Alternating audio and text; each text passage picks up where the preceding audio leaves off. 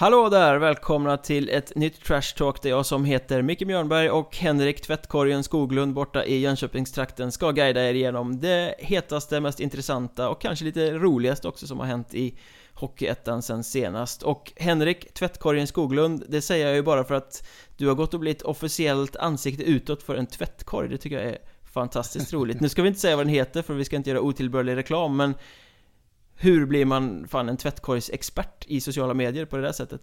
Ja, eh, det kan man fråga sig. Det, jag tror att mycket av det hänger ihop med mitt eh, rena samvete. Eller någonting. Det måste vara något sånt. Du brukar hitta dina skämt längst ner i tvättkorgen. ja, ja, precis. Nej, men det... Ja, nej, men det, det är lite ett bananskal så att säga, så halkade jag in på det där. Eh, får vi se hur det går. Det är, en, eh, det är en smart tvättlösning i alla fall. Så kan vi säga utan att avslöja namnet på det hela. Och eh, skulle det vara så att ni plötsligt har blivit militant väldigt intresserade av eh, tvättkorgar så tycker jag att om ni inte redan gör det så ska ni följa Henrik i sociala medier, att Hockeystaden, så kommer ni ju liksom hitta fantastiskt många roliga tvättkorgsuppdateringar. Jag njuter av dem. Och mig hittar ni på att Mjörnberg på Twitter, eh, Mjörnbergs Trash Talk söker ni på Facebook, eh, även på Instagram numera eh, finns vi ju och eh, recensera oss gärna i poddapparna. Så har jag sagt det i början av det här avsnittet istället för att nästan glömma bort det i slutet varje gång. Men vi ska snacka hockey. Har du kollat VM förresten? Ja, jag har kollat mer VM än eh, vad jag brukar göra faktiskt. Och det gjorde jag väl mycket på grund av den anledningen att jag var så eh, förväntansfull på att Sverige skulle ta sitt tredje raka guld för första gången i historien. Det har de ju aldrig lyckats med innan då, men det, det blev lite platt fall där. Och sen, sen var jag lite, just med tanke på att jag varit och besökt eh, eh, Sheffield Steelers i Storbritannien och, och, träffat en del spelare där som spelar i Storbritanniens landslag så har jag följt dem också lite. Eh, utöver de andra lagen. Uh, och nu verkar det som att Ben Bounce, den gamle hjältemålvakten, kommer få ett kontrakt i Danmark. Oh. Det tillhör, ja, det tillhör inte riktigt vanligheten att de lämnar den ligan. Det, det är ju en rätt, rätt bra liga så, så tillvida att uh, det är bra faciliteter, mycket publik och de tjänar rätt bra. Så att, uh, det, det är väl egentligen kanske bara den egna utvecklingen som gör att de ja, lämnar i så fall. Annars har de det rätt gött. De kan ju vara heltidsproffs där. Men eh, det är lite kul att se. Eh, hoppas att han det var ju samma sak som han i Leksand där, det tyckte jag också var bra. Jag kommer inte ihåg vad han heter nu. Ben O'Connor va? Mm, precis. Jag tyckte att det var väldigt bra. Att han drog till Sverige för att utveckla sig, men eh, han drog ju tillbaka sen till Sheffield. Men Ja, ja, så, det var en lång utläggning. Har, har du följt hockey-VM då? Eh, marginellt, jag har glott lite här och var sådär. Jag tycker ju, som jag säkert har sagt många gånger tidigare, att det är mycket, mycket roligare att eh, titta på de här lite mindre blåbärsnationerna när de möter varandra än på de stora drakarna. Men det har ju varit lite sådär roliga eh, stories, alltså med Storbritannien klarar sig kvar, Italien klarar sig kvar, det blev ju sådana här supermatcher i slutet på gruppspelet, Finland gick och vann. Eh, det var väl liksom också en sån här Åsa-Nisse-historia höll jag på att säga, Åshöjden, eh, menar jag såklart. Eh, så att det har väl varit lite roligt. Däremot så har jag inte tittat särskilt mycket på Tre Kronor. Jag har sett eh, när de fick dyngspö av Ryssland och såg väl någon period av när de torskade mot Tjeckien. För jag tycker att eh, folk går bananas över att det är NHL-spelare, men det är så färglöst och så tråkigt och så kriminellt ointressant med de här Tre mm. Kronorna. Mm. För att det är ju, visst det är NHL-spelare, men det är ju väldigt många av dem som folk inte känner till. Killar som har dragit tidigt och blivit något där borta som man inte har någon relation till så att hela det här eh, folkets landslagsgrejen som hockeyn gärna vill surfa på den eh, är ju totalt ut genom fönstret. Jag tror att det är många som känner det runt NHL Tre Kronor så att säga. Det är nördarna, NHL-nördarna tycker det är skitfräckt. I övrigt så är det liksom bla bla. Jag har ingen känsla, det var nästan så att jag höll på Finland faktiskt i, i eh, kvartsfinalen där för jag tycker det var ett mycket, mycket roligare lag. Mm. Nej, men det är ju lite det. Nu ska jag inte säga att NHL är, överskattat, men tillflödet av NHL-spelare till VM, det tror jag definitivt är överskattat. För det, jag, jag tycker att hela debatten har väl blivit totalt snedvriden, att det är total fiasko Tre Kronor att åka upp med 21 NHL-proffs. Eh, de vann ju faktiskt VM två år i rad med 19 NHL-proffs vardera året i, eh, i truppen. Jag tror inte att de här två extra eh, sabbade sådär värst mycket. Definitivt det, det ju... inte, definitivt inte. Alltså... Så, och, och, samtidigt så, om man kollar på Finland så, det, det, det ja, folk vill alltid hitta anledningar. Helt, jag tror väl att för Sveriges del så var det väl att de inte fick ihop det helt enkelt. Exakt. Och då, sp då spelar det ingen roll vad man har för kvalitet i laget så att säga.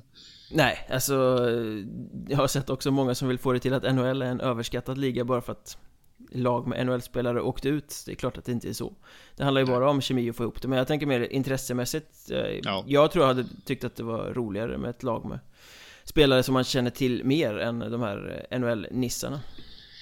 Men äh, ska vi skicka med ett råd till den nya förbundskaptenen äh, Garpenlöv till nästa år? Varsågod. Han sitter ju, ja, men han sitter ju lite i en guldsits här nu om man kollar på det finska landslaget tillhörde ju, eller innehöll ju eh, till mesta delen ligaspelare. Och det har ju varit en våg av spelare från Sverige som drar över till ligan nästa säsong. Så det är egentligen, jag tror att vi har 20 där nu. Så det är egentligen bara att bygga ett landslag för dem. Så vi kommer se Fredrik Weigel och Anton Holm skjuta guld till Sverige nästa ja, vår? Alexander Uterell på backen. Också. Icke att förglömma. Eh, bröderna Westerholm. Det blir stort. Mm. Du, men eh, ja, VM avhandlat, lagt till handlingarna. Eh, vi kan blicka framåt mot en ny Hockeyettan-säsong istället och den kommer att påverkas ganska så mycket av vad som händer i Hockeyallsvenskan eh, Har vi en känsla av För eh, sen senast vi poddade så har ju Hockeyallsvenskan gått ut med Att de ska satsa på ett fyrdomarsystem till eh, nästa säsong Och det kommer ju påverka Hockeyettan på ett eller annat sätt för de här extra domarna som ska in i Hockeyallsvenskan, de måste ju hämtas någonstans. Eh, och eh, SHL har fyrdomarsystem, J20 Superelit ska ha fyrdomarsystem, nu ska Hockeyallsvenskan också ha fyrdomarsystem. Jag fruktar ju lite för att det här kommer drabba Hockeyettan, att alla som är ganska bra i Hockeyettan kommer försvinna och så kommer det bara vara de här som inte riktigt är framme i sin utveckling kvar än till att börja med, ja men absolut, du är helt rätt Det är klart att de bästa kommer dra upp. Och jag vet inte riktigt, för att om jag har fattat det här rätt så har väl SHL haft sin domarpool, Allsvenskan haft sin domarpool, men sen har det funnits ett visst utbyte däremellan. Och sen har det väl varit att Hockeyettan och J20 Superelit har haft sin domarpool. Jag kan ha helt fel här nu. Men frågan är ju hur de kommer lösa detta framöver ifall det är att det kommer bli ett utökat samarbete mellan allsvenskan och ettan. Ja. Eh, ja, men... för, för, no för, någonstans så tror väl jag att det är bra att de här domarna som ska kliva upp i allsvenskan kanske kan få, ja vad ska man säga, hålla sig Eh, öva lite mera i ettan också på att vara själva. Jag, jag vet inte, jag bara spekulerar. Jag har inte tänkt på det här så mycket kan jag säga. Ja men så som du beskriver det så är det att det fanns ju något som hette förbundsdomare va, som hade J20, ettan och SDHL och roterade mm. runt lite där.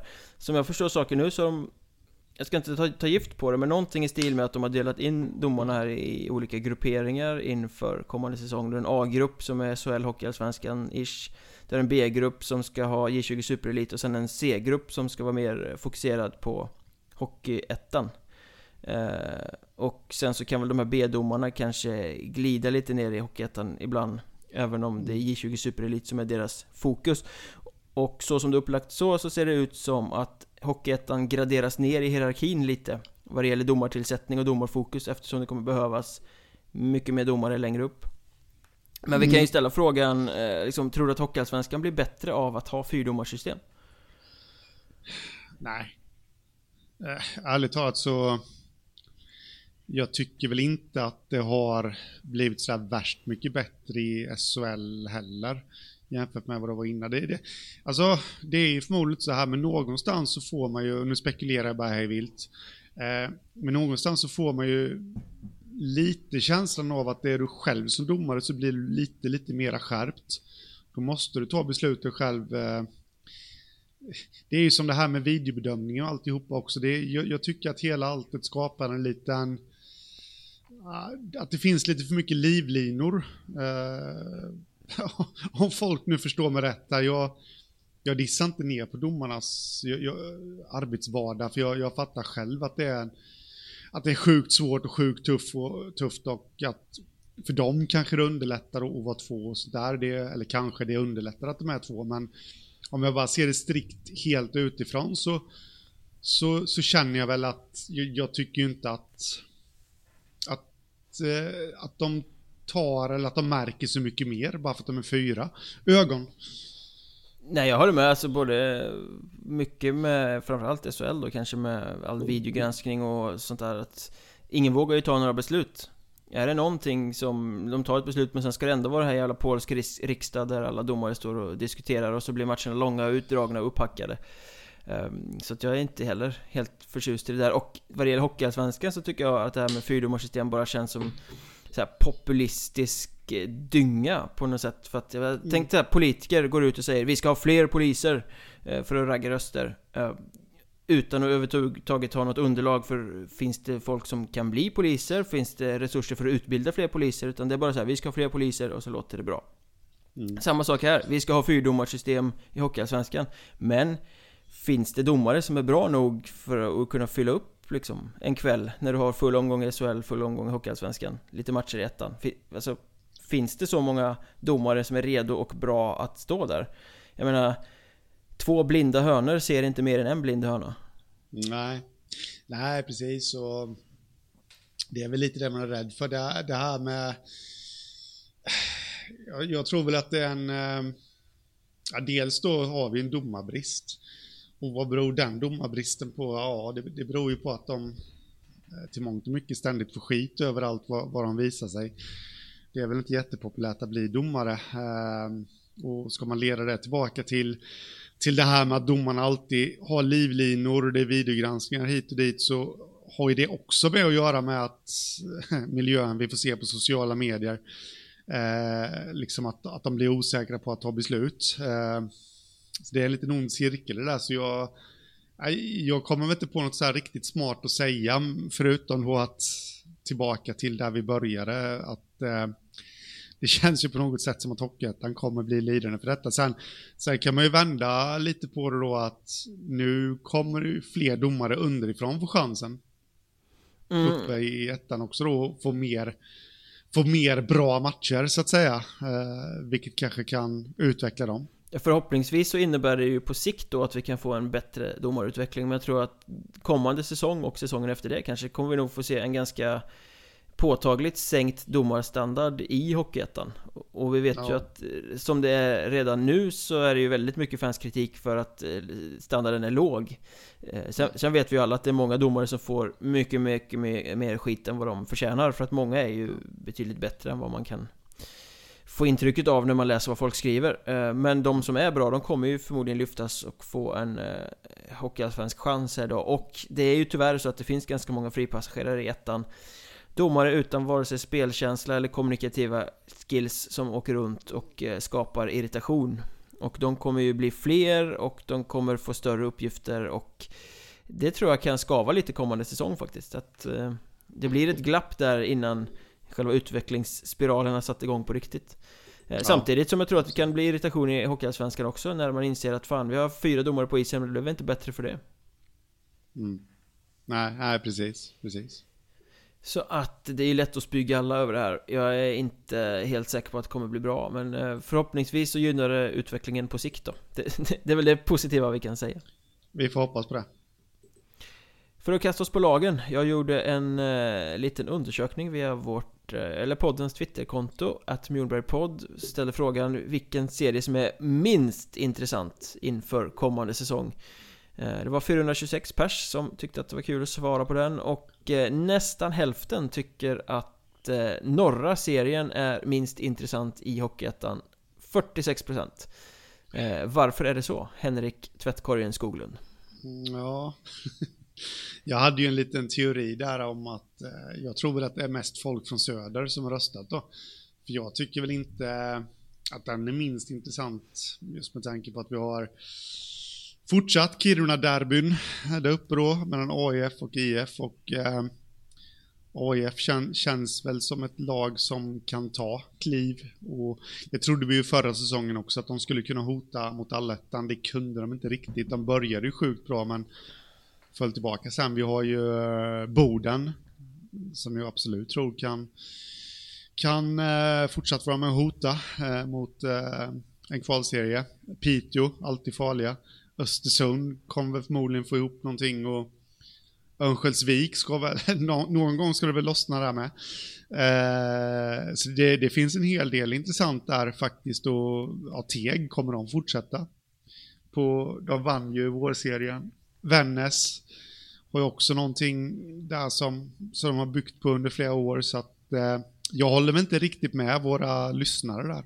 Om jag ska vara ärlig. Eh, Å andra, sid å andra sidan så kan jag faktiskt hålla med ganska mycket eh, Och det beror ju kanske inte direkt på föreningarna som är med i ligan Utan det är ju lite så här, Det är bara tio lag för att det finns inte fler lag som vill eh, komma upp underifrån Vilket gör att det blir färre matcher och det blir liksom mer utdraget och, och de spelar inte så ofta och sen spelar de massa på helgen. Det blir liksom konstigt att följa norra serien Vilket ju kan underminera intresset. Samtidigt som toppstriden där sällan är särskilt intressant För att det är ju Lagen som ska gå till allettan är ofta ganska givna. Eh, så det blir mycket matcher som inte är sådär jättespännande. Eh, och det påverkar väl också intresset. Så serien som sådan blir mer urvattnad än vad lagen som spelar i den är På något sätt Kan jag tycka. Ja, Och sen är det ju faktiskt så om man ska vara krass så är det ju bara Boden eh, Bortsett Kiruna-derbyna då Som jag personligen tycker lider lite av att eh, Eller i alla fall säsongen som gick led lite av att lagen var för dåliga. Alltså Det är visst coolt, jättekult med Kiruna-derby men det är Två alldeles för dåliga lag som egentligen aldrig var nära någon allettan diskussion eller playoff eller sådär um, Och då blir det också lite urvattnat på något sätt. Det hade varit roligare mm. om det var två liksom topplag i Kiruna. Mm. Eh, och vad jag skulle säga innan det var ju att det enda laget som verkligen engagerar, verkligen drar publiken, verkligen har en boost och ett intresse kring sig, det är ju Boden. På gott och på ont. De rör upp känslor åt alla möjliga håll. Och det behövs fler sådana lag i norra serien för att den ska kunna lyfta och bli riktigt intressant. Ja, jag säger inte emot där. Och eh, sen, alltså Sen har du ju topplagen typ som eh, Östersund till exempel eh, mm. Och Piteå, Piteå har ju förvisso inte så mycket publik Det har ju Östersund men De skapar inte intresse liksom Det märker man ju när man skriver om lag Alltså Skriver du om typ Tyring eller något från Söderserien så klickas det tokigt mycket, massa intresse mm. Eh, du kan ha bra nyheter och bra grejer från Östersund som liksom inte genererar en tredjedel, fjärdedel av samma trafik Ute bland medierna mm. Um, det är också så märkligt, en klubb som Östersund borde vara intressant Men det verkar ja, ju inte det... som att någon bryr sig liksom Nej, det är också någonting faktiskt jag har tänkt på att, eh, som du säger, Östersund borde vara mer intressanta än vad de är. För jag menar, det, det är ju en klubb som det har pratats om i flera år liksom och de satsade mot allsvenskan och, och satsar väl mot allsvenskan också eh, här så småningom och och liksom de, det var den där miljonen de skulle satsa för några år sedan för, för att ta sig dit och alltihopa. Det, det finns ju egentligen alla ingredienser och det, det, är en stor stad och de har alla förutsättningar. Så jag vet inte om det är någonting att, att det klickar lite i för dem att få ut sitt budskap. De kanske borde ta och bli lite mer kaxigare. Ja men så här, de, har, de har ambitioner och de har eh, bra arena, jättefin arena. De har Patrik Klyft i organisationen, ett namn som borde kunna generera ett eller annat. De har eh, helt okej med publik på matcherna också så här. Och de brukar ju ha bra lag. De var framme i playoff tre år liksom. Mm. Eh, och jag menar, Elias Bjur, profil. De har haft Tim Juel i mål i många år som har varit liksom en grym målvakt och, och eh, Wernersson Liebeck, tvillingarna som trollade. Så det, allting för att skapa någon sorts bass och intresse finns ju i det där laget. Men jag menar, inte ens när Nisse Bergström åkte och tacklade Jonathan Tolander i huvudet eller när Jonathan Tolander var där och gjorde 30 mål eller liksom Det är aldrig så att intresset för Östersund utanför den egna lilla klicken lyfter på något sätt. Jag menar Troja, Kriff, många söderlag, även Borlänge i västra Mariestad, Huddinge, alla lag oavsett publiktryck hemma skapar ju någon form av känslor hos andra supportrar Men Östersund är ju bara så här, Inget på något sätt. Nej, nej faktiskt. Och ja det, jag, jag delar den känslan full, helt fullt ut där.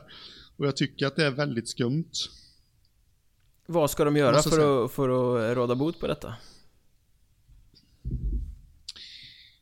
Ja, nu tog du mig på sängen Uh, nej, men det, ja, vad ska de göra? Det, dels, ja, det handlar väl om kommunikation utåt.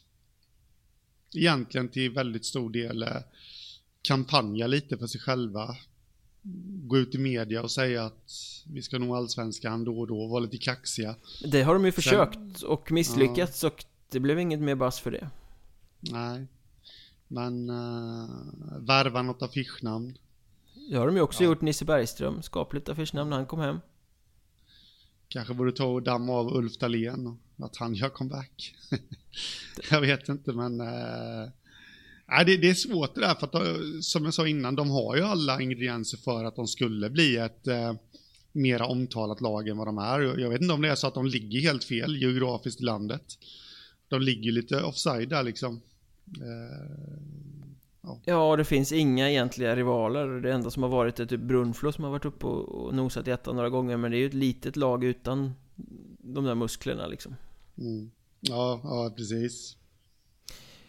Den gåtan kanske får ett svar säsongen som kommer, vi får se. Uh, resten av den här undersökningen blev alltså 25% på västra, 21% på östra och 8% på södra och det var väl kanske ganska väntat.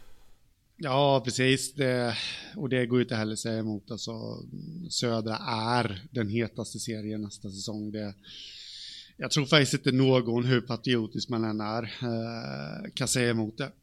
Det känns som att, eh, ja, nu, nu, har jag ingen exakt summa så här, men eh, jag, jag, läste någon tweet någon gång och den håller jag ju med om att nio av tolv lag kommer garanterat ha en uttalad målsättning att gå till allettan från söder. Och ja, det känns som att det kan bli något mer lag där också. Men det är, det är bara fem som kommer lyckas. Ja, getingboet som sagt. Mm. Men för att spinna vidare på det här med intresse och grejer liksom då så här, eh, Sociala mediebiten har vi pratat om många gånger Vi är båda två ganska överens om att det är väldigt, väldigt viktigt att Hålla på med sånt eh, Är det någon du har eh, uppmärksammat Den här silly som är duktigare än någon annan på att skapa bass omkring sig. Eh, Östersund skulle ju kunna göra mer där som sagt då. Eh, Men eh, lyft fram några eh, föregångare. Nej, men jag tycker att, eh, och där är vi också överens, eh, nästan helt fullkomligt övertygad om eftersom jag har läst eh, vad du har skrivit. Så Kalmar gick ut med att de har anställt en kommunikatör mm. i Simon Holm Stålhand, tror jag han heter. Ehm, och eh, det, det, går väl helt i linje med deras poplags image att eh, ha en sån. Och jag tycker han har kommit igång rätt bra. Jag tycker Kalmar alltid har varit bra sen de kom upp i ettan på att dela på sociala medier och, och liksom vara lite intressanta sådär. Men han gjorde ju en väldigt bra grej där eh, med ljudklippet när de värvade Julius Selle Larsson. Som satte igång en liten diskussion där om, ja, vem är det man hör i ljudklippet här och ja, det visade sig att det var han. Sen till slut och tänker lite utanför boxen där Kalmar så det, det, är väl de jag får lyfta fram. Det är vad de jag kommer att tänka på mest spontant. Ja, de har jobbat rätt mycket med hintar överhuvudtaget nu. Det är ju väldigt ja. begåvat på något sätt att inte bara mm. tala om eh, att vi kommer. Det är många klubbar som gör säger att idag kommer vi släppa ett nyförvärv längre fram. Eh, väldigt bra grej. Mörrum gör en bra grej tycker jag. De anordnar presskonferenser ute hos sina sponsorer Vilket gör att sponsorerna får synas och höras. Och så direkt sänder de dem eh, på nätet. Och de talar om långt i förväg att då ska vi ha presskonferens vi ska liksom sådär. Sen har väl mm. liksom eh, Upplägget kanske kan trimmas men det är en jävligt bra grej att, att, att göra Ja, och, och, ja, men just det här som Kalmar gör, att man hintar, man talar inte bara om att vi ska släppa utan man liksom så här lägger ut lite bilder och hintar och skapar ett bass och ett snack och sådär. Det gör ju att intresset ökar och att man blir omtalad mycket, mycket mer än vad man hade blivit annars. Mm. Ja, absolut. Ja, men så är det ju. Jag hade faktiskt en diskussion igår med en person eh, när Dalen la ut att de skulle värva en eh, spelare från Norge. Och eh, då fick jag frågan från en person, vem tror du det här är? är? Ja, det visste jag ju klart inte då, men, men eh, och då, och då, ja, han hade spelat i landslaget i Norge, eller ja, det vet jag inte. Han hade spelat i landslaget och, eh, och i SHL i alla fall. Och då, ja, men han Röjkås, någon som heter det, det var väl den enda jag kände kunde stämma in, men så, nej, kan det verkligen vara så genomskinligt? det kan ju faktiskt vara Axel Eidstedt också, för han stämde ju också in på det. Han har ju spelat i Norge och eh, har spelat i SHL och är landslagsmeriterad från juniorlandslaget. Men det visade sig att det var han, Röjkås, presenterade dem precis här innan nu. Så det, det satte ju fart lite på geniknölarna och det, det är väl lite sådana saker som, som, som behövs. Ja, verkligen. Och, och, det är ju som väl både du och jag har sagt flera gånger innan Det är inte hela världen om någon annan är ute med namnet före klubben. Det är snarare bra För att Då får man bara sätta, snackas om det. Oj, oj, ska den här spela inte det? Men alla kommer ändå vilja komma till klubben och få det bekräftat när de gör sin ja, eh, ja, officiella release. Att, att inte fler läcker mer till olika medier än vad de gör är ju också konstigt. Sen har man ju märkt det på eller märkt och märkt, det kan jag ju såklart inte veta, men på lite olika nivåer. Det finns ju, precis så som du säger, alltså det finns vissa som man anar läcker till lokalmedia. Bara för att få, och de tänker ju helt rätt, bara för att få det här extra draget då, men uppgifter, nu är han och han klar, men, men det är ju inte helt klart förrän klubben har gått upp med det så att säga. Ändå. Så att, Nej, verkligen äh, inte. Men, vore väl någonting för andra att ta efter också. Sen tycker jag att Troja gör en rätt eh, vettig grej. De har ju någon sån här medlemsbrev eller vad det är. Liksom Där medlemmar i någon viss klubb där eh, Får reda på värvningarna först. Eh, ja. Vilket ju gör att de får känna sig exklusiva för de får det här mejlet. Eh, Och så börjar de kanske Skriva lite i sociala medier och så blir det bass kring det. Jaha, hur, var har du fått den informationen ifrån? Bla bla bla. Och sen kommer klubben med sin egen eh, mm. presentation. Eh, Det är också ett bra sätt att göra då skapar man mm. liksom en god känsla hos sina medlemmar också Att man får någonting ja. för att man är med och pyntar in den här hundralappen om året Eller vad det kostar ja. att vara med liksom Ja, ja precis eh, och eh, Sen tycker jag, nu fick Troja beröm och det ska de ha Sen tycker jag väl jag generellt att Troja kan den storklubb som de faktiskt är på nivån kan jobba betydligt mycket bättre med, med sin egna media. Jag tycker faktiskt de är lite, jag har varit inne på det innan och kritiserat dem i sociala medier och jag har faktiskt eh, kritiserat dem direkt till dem också eh, när jag har pratat med dem vid något tillfälle att de är lite dåliga på att kommunicera ut ändå eh, till dem utanför klubben så att säga. Känner jag, jag vet inte hur du känner men jag känner att det är lite så. Ja, de gör ju inte jättemycket väsen av sig utöver mm. sina spelarpresentationer sådär. Det kan bli ganska tyst många gånger. De har den här eh, snubben som gör, eh, när säsongen pågår, eh, intervjuer, Troja TV eller vad det kallas. Eh, det är en, mm. en eh, dedikerad herre som gör YouTube-klipp och pratar med spelare och tränare både inför och efter matcher. Det är ju skitbra. Eh, mm. Som väl sker lite i klubbens regi tror jag, för han har ju tillgång, får komma in i omklädningsrum och sådär. Uh, det är bra, men, men mellan säsongerna, nej det håller jag med. Det kan bli ganska tyst och, och trött och sen vet jag inte riktigt Lika bra som det är det här medlemstjosan som de skickar ut Lika eh, torftigt och platt är det ju att när de presenterar på Twitter till exempel Så tar de en skärmdump av sin e artikeln på sin egen hemsida och lägger upp eh, Vilket ju är lite kontraproduktivt för varför ska man då surfa till hemsidan för att läsa mer? För när man får se precis allting i den där Dumpen de lägger upp, det är lite konstigt. Ja, lite så. Så de har en del, de, de gör mycket rätt, men de har en del att jobba på. Sen eh, skulle jag faktiskt vilja lyfta en annan klubb också. Varsågod. En, en nykomling.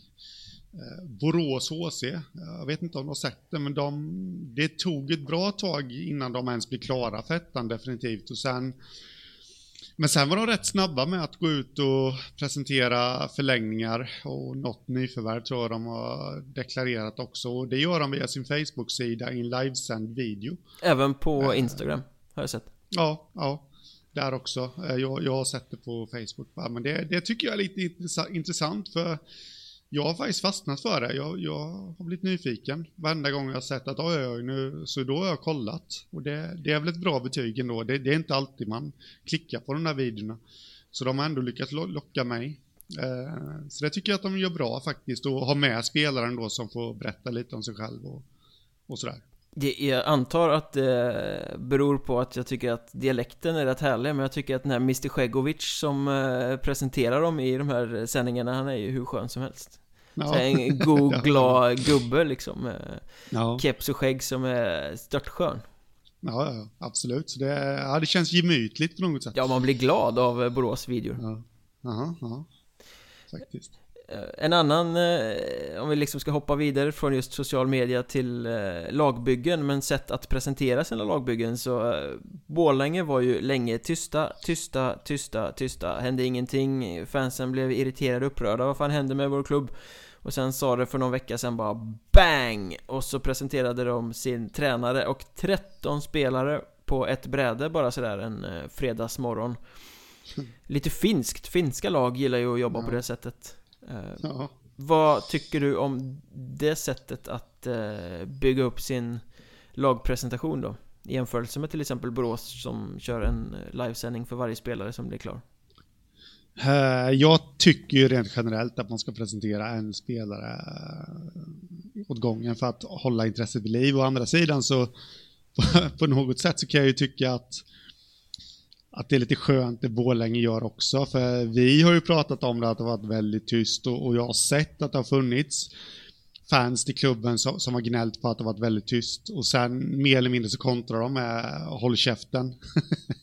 och presenterar 13 på en gång. Eh, det kan jag också tycka är lite skönt på så vis, men, men det är väl ingenting jag skulle rekommendera heller om man säger så. Och sen, sen brände de ju sitt krut lite där på, på en dag, en, två dagar och nu är det ju tyst igen. Jag tror de presenterade en del igår i och för sig. Eh, också. Ytterligare en klump. Ja, jag har för mig det. Men... Eh, ja, lite tvehågsen. Jag tycker väl att det var lite skönt av dem ändå. Ja, men jag håller med. För, för att rent generellt så är det ju så att man ska eh, presentera en spelare i taget för man vill hålla sig så relevant som möjligt och få så mycket snack som möjligt, så mycket skriverier som möjligt och så mycket diskussion som möjligt. Eh, och det gör man ju genom att hela tiden, eh, dag efter dag efter dag, ge folk någonting att snacka om. Det vill säga ett nyförvärv, en förlängning. Eh, Även klubbar som kommunicerar de här spelarna lämnar, det är också jätteintressant. Det vill alla veta. Eh, liksom, så det gör Huddinge jättebra, det finns andra klubbar som gör det superbra. Liksom verkligen gör artiklar också om att de här kommer inte spela vidare. Nej, fine, då vet alla det, jättebra. Eh, men eh, håll käften eh, grejen med Borlänge där var ju bra. Problemet med det var ju att det fanns ju ingen håll käften spelare i det släppet. Utan det var ju ett släpp av 13 spelare som visst är bra Hockeyettan-spelare och unga utvecklingsbara, lite spännande. Men det var ingen sån här Bang! Yes! Wow! Stjärnan liksom. I det släppet Nej. som jag känner. Och det tycker jag var konstigt för sen gick det väl en eller två dagar max så presenterade de att Marcus Persson, superskarpskytten från säsongen som eh, gick med alla allsvenska meriter i världen, ska vara kvar. Mm. Och då blev jag lite såhär, varför hade de inte med honom i det där första släppet? Det hade gjort det till mycket, mycket mer håll käften. Här är Marcus Ja. Persson och 13 andra liksom. Istället kom han lite så här pysande någon dag senare. Ja, Nej, det var lite märkligt men uh, jag får hoppas att de lyssnar och, och lär sig av oss. Ja, för, för sen, alltså laget Det är ett klart försämrat lag Men de har ändå lyckats förlänga det med Marcus Persson De uh, värvade Marcus Björk som inte fick vara kvar i Huddinge häromdagen också Han var väl med i det där släppet du nyss nämnde uh, Också jävligt lovande bra back som de får in Så att um, Ett försvagat lag men ändå med lite Lite intressanta stjärnspelare Ja, ja det måste jag säga faktiskt. Uh, så det är lite svårt att och eh, det, det känns ändå som att de kommer få ihop någonting bra där och Persson blir ju sjukt viktig. Han blir ju loket, så som det ser ut just nu. Det var han ju förra säsongen med, så det är väl ingen skräll att han ska, ska bli det nästa säsong också då. Men det måste ju in lite mer eh, rutin och eh, spets omkring honom, känner jag Nej. Nej, de kan skita i det, de kan skita i det ja. Nej, Ga- Gabriel Karlsson, sportchefen, gör comeback där också ifall det skulle behövas. Nej, men, nej, men det är klart att, eh, att de behöver. Eh, Det har vi snackat om. Nu har vi pratade Mörrum för några veckor sedan där eh, och Marcus Paulsson. Eh, de heter nästan samma sak.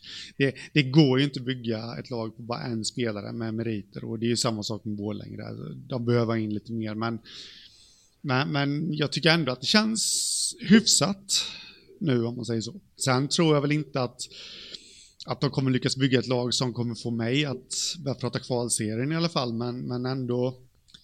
De blev ju av med sin storsponsor också och, och det känns lite som att det är en liten omstart på gång där. Och Det syns ju på lagbygget tycker jag ja, ja precis.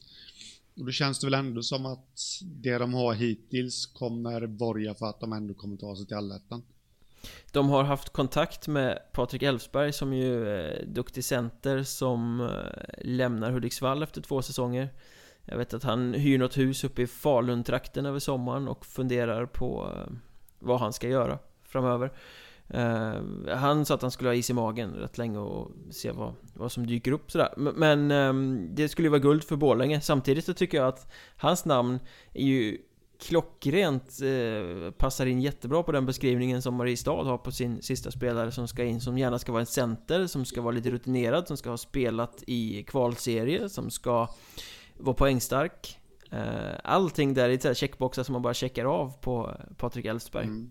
Mm. Så det känns som att han skulle kunna passa där också Frågan är, kan han välja en sån eh, toppkonkurrent i västra serien över Borlänge där han var med och tog dem till kvalserien för X antal år sedan? Ja, kan kan han ju. och det, det, skulle ju vara lite kul om han gjorde det, men uh, känns det ändå inte lite som att han uh, kommer ta Borlänge? Det beror lite på i och för sig, som jag sa där innan, jag kommer väl inte nämna kvalserien tillsammans med Borlänge den här säsongen efter vad jag sett hittills, men samtidigt så är Elfsberg en sån spelare som, som definitivt är en kvalseriespelare som ska vara med i ett sånt lag som ska uppåt och det är väl det som talar för Mariestad i så fall. Sen så har ju Tranås till exempel värvat både Filip Halvordsson och eh, Tobias Sjökvist från eh, Borlänge redan. Det känns ja. ju också som en fit som skulle vara rätt intressant för en Elfsberg. Mm. Ja, det skulle bli intressant att se vad de... De, de har ju värvat en del och jobbat mycket med förlängningar också för att behålla den framgångsrika truppen från fjolåret. Men, men det känns lite som att det skulle sitta på sin plats med lite spets också då. Och det är ju Elfsberg. Mm. Ju spets. Ja, Stefan Fransson, sportchefen där, har ju varit ute och eh, uttalat sig och han liksom har väl sagt både till mig och till många andra också att den här off-season så är det ju faktiskt förlängningar med de vassaste spelarna från stommen är viktigare än eh, nyförvärv. De vill liksom bygga vidare mm. på den här eh, kvalserietruppen som de hade och det har de ju verkligen lyckats med. Vi har pratat ja. om det tidigare att det är liksom eh, Erik Gustafsson, Filip Pettersson, massa duktiga spelare som har förlängt och mm. nu senaste helgen så skrev ju backarna Jesper Alasari och eh, Fredrik Lindström på också. Mm. Eh, jag blev det blir jag varje år ska jag säga förvånad att Fredrik Lindström stannar i Tranås För jag tycker att han är värd en allsvensk chans och har visat det under många säsonger nu Att han borde spela där uppe. En, eh, Han har liksom en allround-back med många verktyg, räckvidd, storlek, eh, offensiv spets eh, Men jävlar vad bra för Tranås att han stannar igen. Ja men precis, men det, det, Tranås är ju Man trivs där helt enkelt, verkar det som. Uh... Alltså så är det ju. De har ju haft väldigt många spelare som har varit där i många år nu. Eh, och innan har vi pratat lite om att ja, det kan vara lite bekvämt kanske att spela i Tranås, men, men det motbevisade de ju förra året.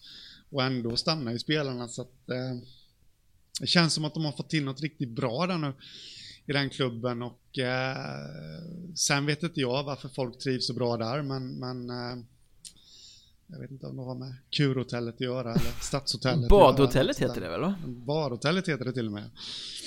Eh, så, så att... Eh, nej, ja. nej det, det, det, brukar ju vara liksom Visby och eh, Tranås. Eh, det är där man stannar. Eh, liksom, mm. Eh, Visby kan man ju skylla på att har man en gång tagit sig till Gotland är det svårt att ta sig därifrån. Men i Tranås, vet jag inte. Det måste ju vara trivsel. Stannar ju till och med, ja, det stannar ju till och med X2000 så att... I Tranås? Ja, det kanske det inte gör, det kanske bara åker förbi förresten. Ja, det har jag svårt att tänka mig. Vilken linje skulle det vara? Ja, men jag fan... Nej, nu kan jag nog tänka Nej, här får ni faktakolla Henrik. Jag tror han är ute och uh, yrar i tvättkorgen här faktiskt. Åker förbi gör det i alla fall, det vet jag. Det har jag passerat åtskilliga gånger. Men det finns, Sen... det finns många orter där man bara bränner förbi. Ja, frågan är ifall man inte stannar där. Ja, ja det, det, är ju en diskussion för en annan podd jag är med i, Tågpodden. To be continued, som man säger. Men, eh, ja. ja, Victor Jonsson har kritat på på målvaktssidan där, eh, vilket ju borgar för att de kommer att ha ett bra målvaktspar även kommande säsong. Men jag antar att de jagar en spetskeeper där också, det har låtit på Fransson som. Det vore ju kul att se Emil Gidskog komma hem. Ja, Det skulle det faktiskt vara. Han har ju försvunnit väldigt mycket. Han var ju med på radarn när han spelade i ettan än vad han har varit de senaste åren.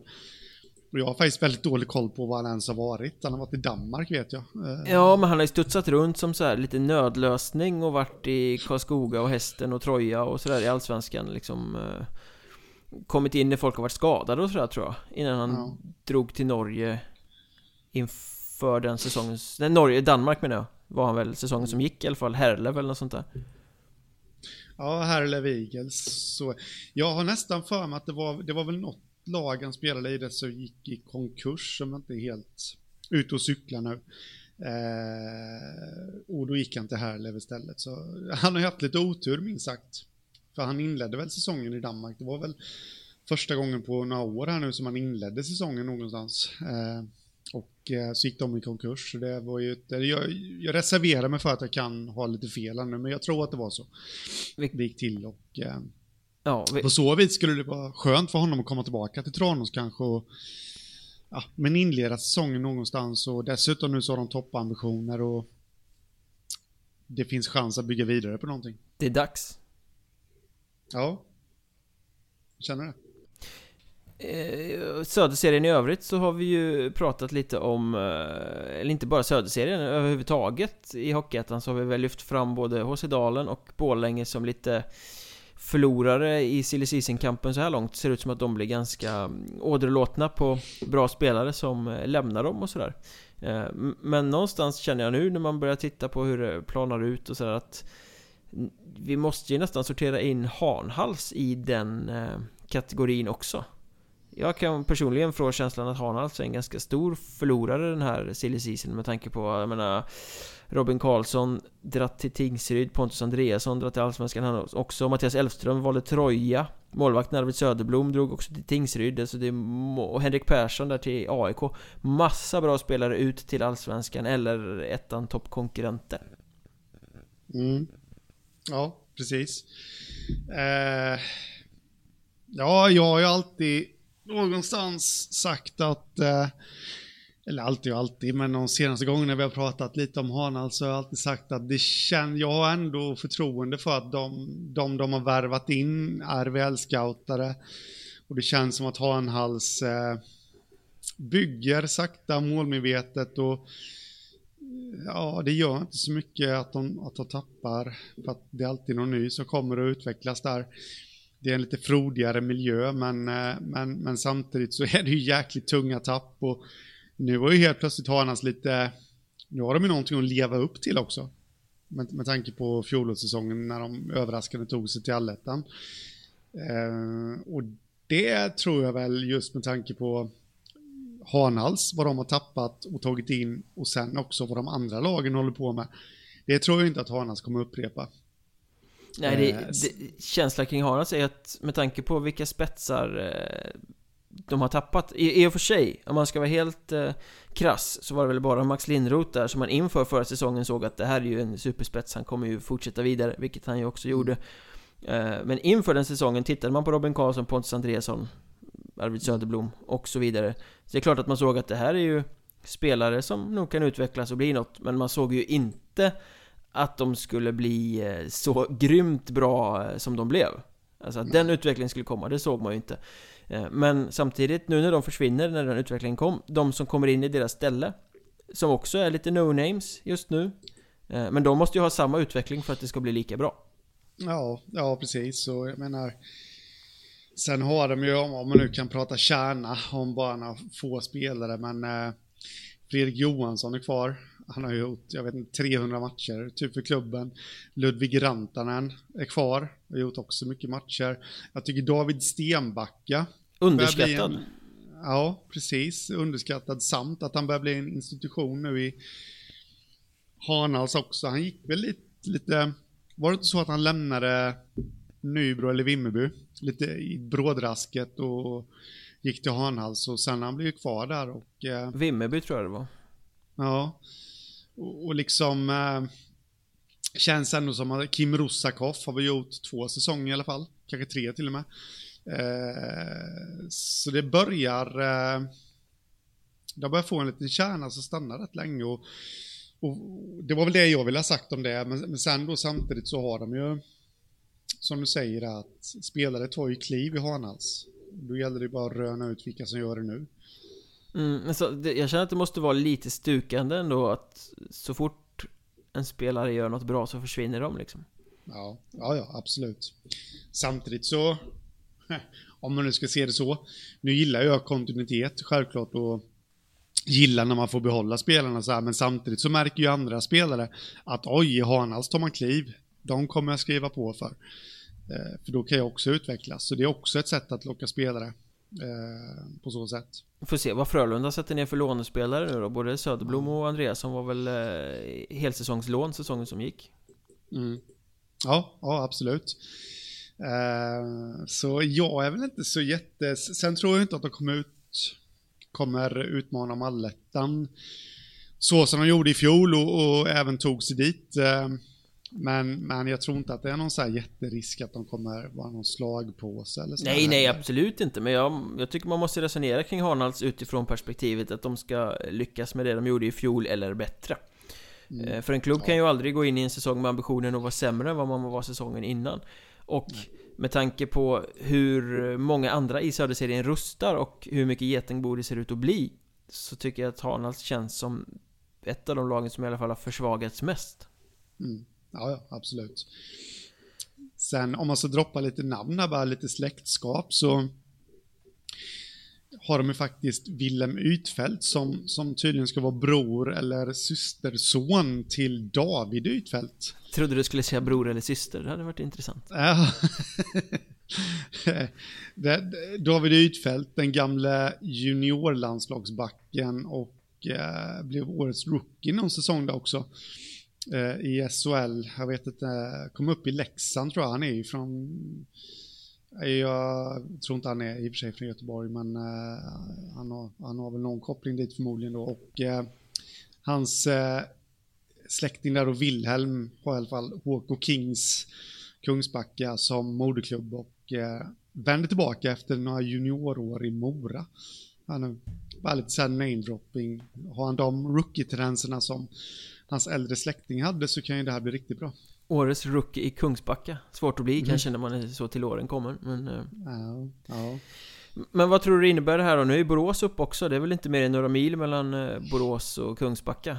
Eh, mm. Det kan bli liksom coola derbyn såklart, men det kan ju också påverka vart spelare väljer att signa på. Frölunda vill ju gärna ha något lag långt upp i, i hierarkin. Nu har de samarbetat med Hanhals, men jag kan tänka mig att Borås vill lägga sig i det där också och bli andra laget i regionen så att säga. Jag tror så här, till en början så tror jag inte riktigt att det spelar någon större roll. Eh, utan att ha järnkoll på kommunikationer och, och sådär i, i Göteborg så känns det ändå som att de här spelarna som Hanhals har plockat in från Frölundas juniorverksamhet tidigare bor väl förmodligen hemma eller, eller bor i centrala Göteborg och då är det väl relativt enklare att ta sig till Kungsbacka än till Borås, även om jag att jag nu råkar veta att det går ett eh, hyfsat snabbt tåg mellan Göteborg och Borås så, så är det ändå närmare till Kungsbacka. Så där tror jag väl inte, då handlar det väl kanske mer om spelare utifrån. Eh, mm. Ja, det är ett helt gäng eh, Hanlandsspelare som samåker från Göteborg till eh, Kungsbacka för träning och match. Mm. Så är det Ja, precis. Eh, så där tror jag väl inte att, eh, men, men däremot om Borås nu börjar skramla och, och ta sig förbi Hanhals i, i hierarkin och börja ommana mot allettan och, och liksom börja snacka allsvenskan, då, då kan du ju hamna i en, en annan dager så att säga. Eh, för att kunna locka till sig juniorer då från Frölunda. Mm. Men inte nu tror jag, jag, jag, tror ändå Hanhals och Frölunda är rätt nöjda med varandra och eh, där tror jag nog inte Borås kan vara med och hota. Det är lite otacksamt läge för dem, för de hade ju väldigt mycket hjälp av det när de var uppe i Allsvenskan, Borås. Så att då var de ju närmaste lag och enda laget egentligen som var i närheten av på hög nivå av Frölunda. Men nu ser det lite annorlunda ut. Hockeykartan ritas om, som man säger. Ja, det gör den definitivt. Och på andra sidan så har de ju Jönköping med HV då. Där har ju HV-Dalen eh, som väl borde ligga närmast till för utlåningar och juniorer. Men jag kan nog tänka mig att, att det kan vara en och annan HV-junior som kanske testar lyckan i Borås också. Mm. Och apropå hockeykartor som ritas om och rivaliteter så är ju vad som har hänt i Skåne också nu när Kristianstad har tagit klivet från eh, ettan upp till allsvenskan till slut Stora rivalen Tyringe kvar i ettan och där har de förtätat ett samarbete, alltså Tyringe lånar eh, Oliver Tornerefelt, målvakten från Kristianstad på heltidslån. Jag snackade med Filip Stensbjerre, sportchefen där förra veckan och eh, han klargjorde att de ska förtäta sitt samarbete där, Kristianstad och Tyringe. Eh, och, och Kristianstad ska ju ha en rätt bred forwardsida så det, det tror väl Tyringe att de ska få låna spelare, ha lite första tjing på spelare som kan komma ner, ska få speltid i ettan och då ska det ske i Tyringe.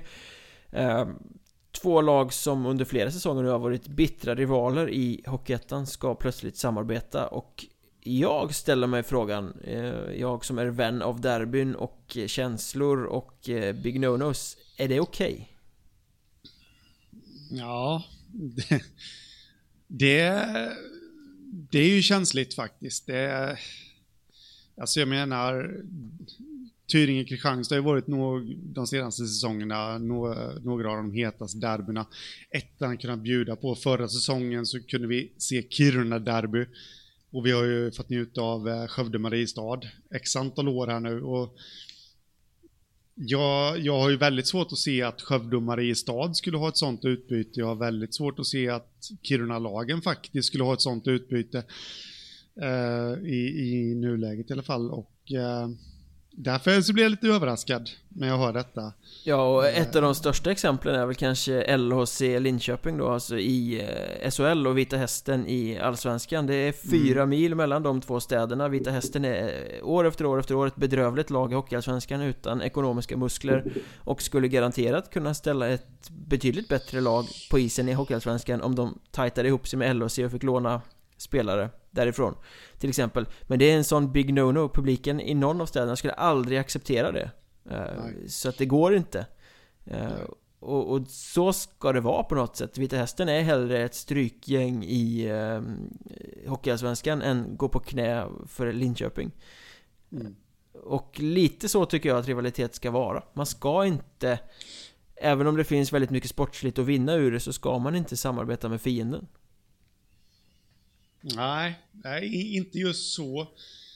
Eh, när det är så infekterat kan, kan vi tycka är lite känsligt. Men, men å andra sidan så eh, rent sportsligt, om man säger så, om man tar bort alla känslor och allt sånt där då, så på så vis är det bra. Det, det är ju en väldigt klar fördel för spelarna. Ja, det är klart att det kommer gynna Tyringe att kunna låna bra spelare från Kristianstad. Och det kommer gynna Kristianstad också om de börjar ha det här skadeeländet som de alltid har att kunna titta på bra spelare från Tyringe. Samtidigt som Tyringe kan värva spelare med incitamentet att det fan är ni bra så kan du få chansen med Kristianstad.